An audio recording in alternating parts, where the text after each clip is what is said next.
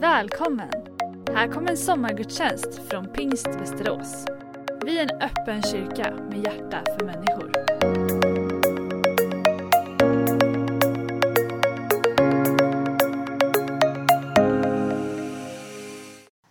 Jag har en systerdotter som är lite mer än ett år gammal och det är så fascinerande att, att träffa henne för varje gång jag träffar henne så har hon lärt sig någonting nytt. Nyligen så lärde hon sig precis att vinka. Ni vet, du kanske har ett barn i din närhet som du har ja, men kommit nära så du, och då vet du den där fascinationen av allt nytt som de bara får lära sig.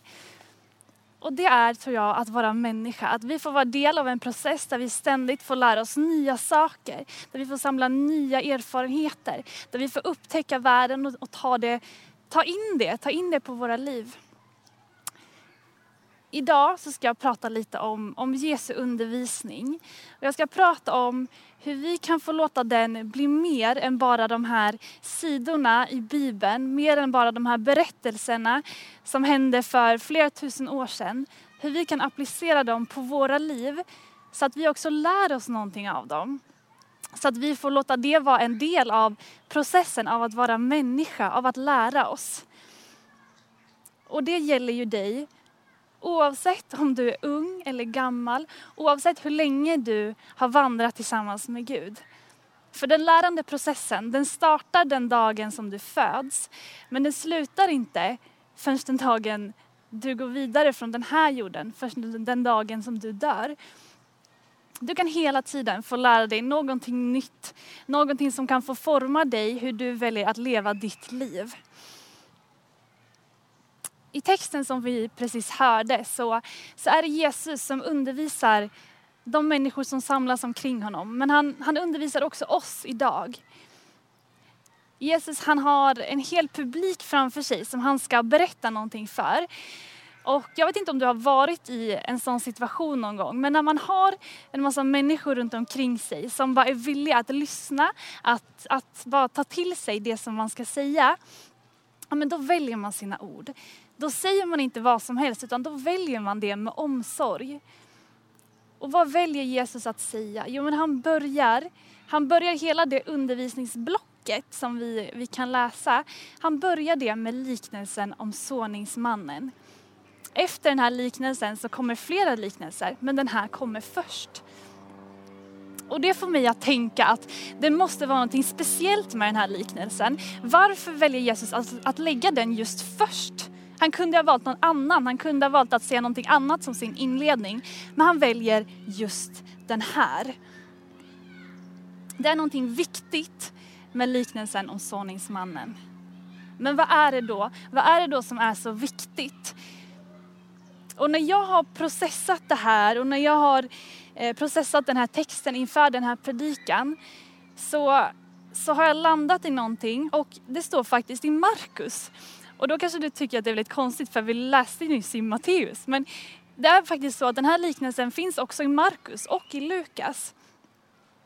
Och det är ju bara också en, ytterligare en poäng som gör att, den, att jag tänker till att den här är viktig. Men i alla fall, i Markus 4 och 13 så, så står det så här. Han sa vidare till dem.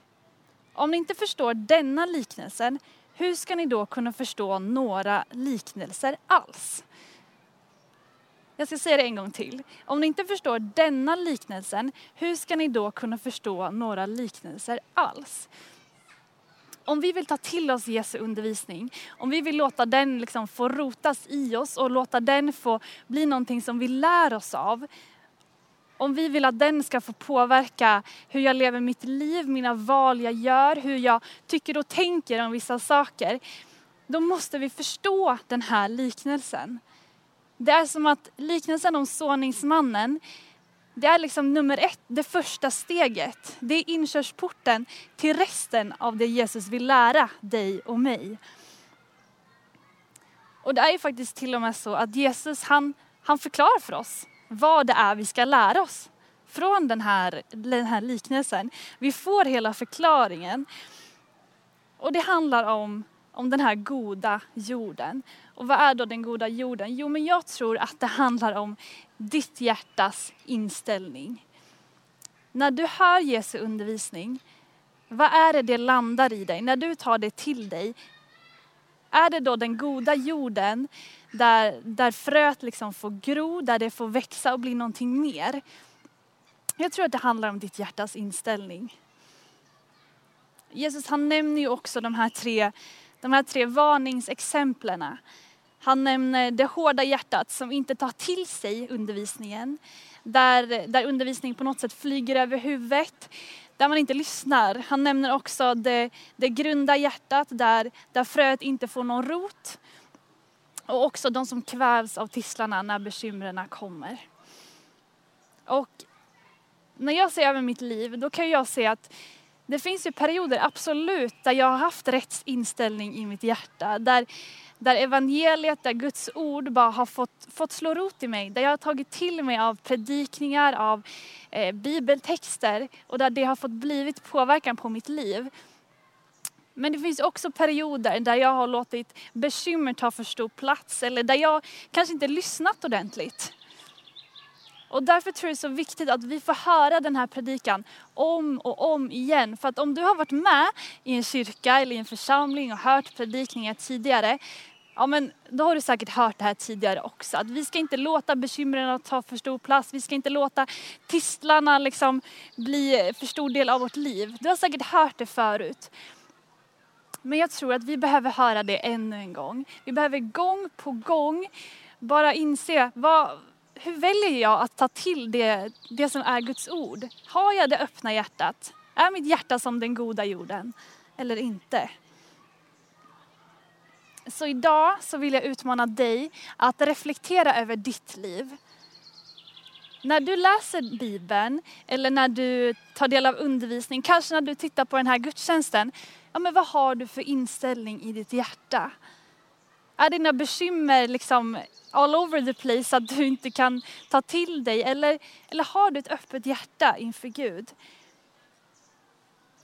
Och när, du, och när jag säger att du ska reflektera över ditt liv, då menar jag inte så som det var innan corona eller så som du kanske skulle vilja att det var, utan hur är det just nu, just idag?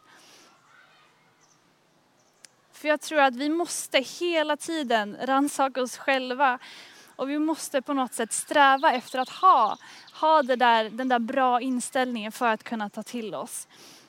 Och den där inställningen, jo men det tror jag handlar om att ha, ha en ödmjukhet. Vi kan läsa i, i Jakobs brev kapitel 1, vers 21. Då står det så här. Lägg därför bort all orenhet och all ondska och ta ödmjukt emot ordet som är implanterat i er och har makt att frälsa era själar. Den där ödmjukheten tror jag är så viktigt. Att när vi kommer inför Gud, att vi inte tror att vi kan allt redan. Att vi inte tror att vi har hört alla predikningar, att vi har lärt oss allt som finns att lära om Gud. För det finns alltid mer att lära oss. Det finns alltid mer som vi kan ta till oss. Det finns alltid mer som, ehm, fler sätt som Gud vill forma ditt liv. Och jag tror att vi måste akta oss för att tro att vi kan allt. För att Gud, han är så mycket större. Det är han som har skapat allt det som vi ser omkring oss. All den fantastiska natur, allting som vi har. Det är han som har skapat det. Det är inte du och jag kapabla till att göra, men han är det. Det är han som har all kunskap. Det är han som har all kunskap om ditt och mitt liv. Och det är han som ska få lära oss saker. Det är inte vi som ska lära Gud, det är han som ska lära oss. Och därför måste vi komma inför Gud med ett ödmjukt hjärta. Och det är det, det är det jag tror Jesus vill peka på i den här liknelsen. Att för att vi ska förstå Jesu undervisning, för att vi ska kunna lära oss någonting av det, då måste vi ha den där ödmjukheten. Vi måste på något sätt underkasta oss Gud Fadern själv. Och vi måste komma inför honom med rätt inställning i våra hjärtan. För när vi gör det, då är det där fröet, det bevaras inte bara. Utan det där fröet, när det får landa i god jord, då kommer det också få gro och det kommer få växa och det kommer få bli till någonting vackert, någonting som kan få bli till välsignelse för, för andra, för människor runt omkring dig. Du kan få vara det där ljuset i, i din familj kanske. Du kan få vara den där stöttepelaren för den där vännen som behöver det allra mest. Och du kan få vara det som Gud har tänkt att du ska vara. Gud han har en så mycket större plan för ditt liv än vad du ens förstår. Ni vet den här skörden som det talas om, den hundrafaltiga skörden. Det är ingen normal skörd. Det är inget som var vanligt på den tiden att man fick en hundrafaltig skörd. Utan det är någonting övermänskligt. Det är någonting övermänskligt som bara Gud kan åstadkomma. Men vet du vad? Gud han vill åstadkomma någonting övernaturligt med ditt liv. Han vill göra så mycket mer än vad du har planerat, än vad du har tänkt. Och det, det kan du på något sätt få koppla, koppla an till. Du kan få gå in i det, gå in i Guds plan för ditt liv. Men då måste du också lära dig av Jesu undervisning. Och då behöver du det ödmjuka hjärtat som bara inser att Gud, han vet mer. Och det är då, när vi får kliva in i det, det är då som Guds ord också får bli mer än de där torra bladen, mer än bara en, en bok liksom. Och det kan få riktig påverkan för hur du väljer att leva ditt liv. Och det här säger jag idag till dig som är ny i tron, för dig som inte har vandrat med Gud så länge. Men jag säger det också till dig som, som har en historia med Gud, som har vandrat med Gud kanske i 30, 40, 50, 60, vad vet jag, år. Jag säger det till dig och att du kan få lära dig någonting nytt. För att livets lärandeprocess där du får lära dig nya saker, men den, den, den börjar när du är liten, när du får lära dig att, att vinka kanske som min systerdotter, där du får lära dig att gå, att cykla, att börja skolan och lära dig matematik och allt vad det är. Men det slutar inte förrän den dag du lämnar den här jorden. Och Gud han vill lära dig någonting nytt idag. Han vill visa dig nya saker. Han vill öppna upp ännu mer av vem han är. Han vill välsigna dig ändå mer och människorna runt omkring dig. Så vaka över ditt hjärta. Se till att när du lyssnar till hans, hans ord, när du läser Bibeln och lyssnar på predikningar, att du har en rätt inställning i ditt hjärta. Att du kommer med ett ödmjukt hjärta inför honom. Vaka över det. För då, då kan du få kliva in i hans plan för ditt liv. Amen. Jag ska avsluta med att läsa Herrens välsignelse. Herren välsigne dig och bevara dig. Herren låter sitt ansikte lysa över dig och vara dig nådig. Herren vände sitt ansikte till dig och giver dig frid. I Faderns, i Sonens och i den helige Andens namn. Amen. Du har lyssnat på en sommargudstjänst från Pingst Västerås. Har du frågor om församlingen eller vill veta mer om kristen tro kan du gå in på vår hemsida, vasteras.pingst.se. Kolla också gärna in vår Youtube-kanal, Pingst Västerås.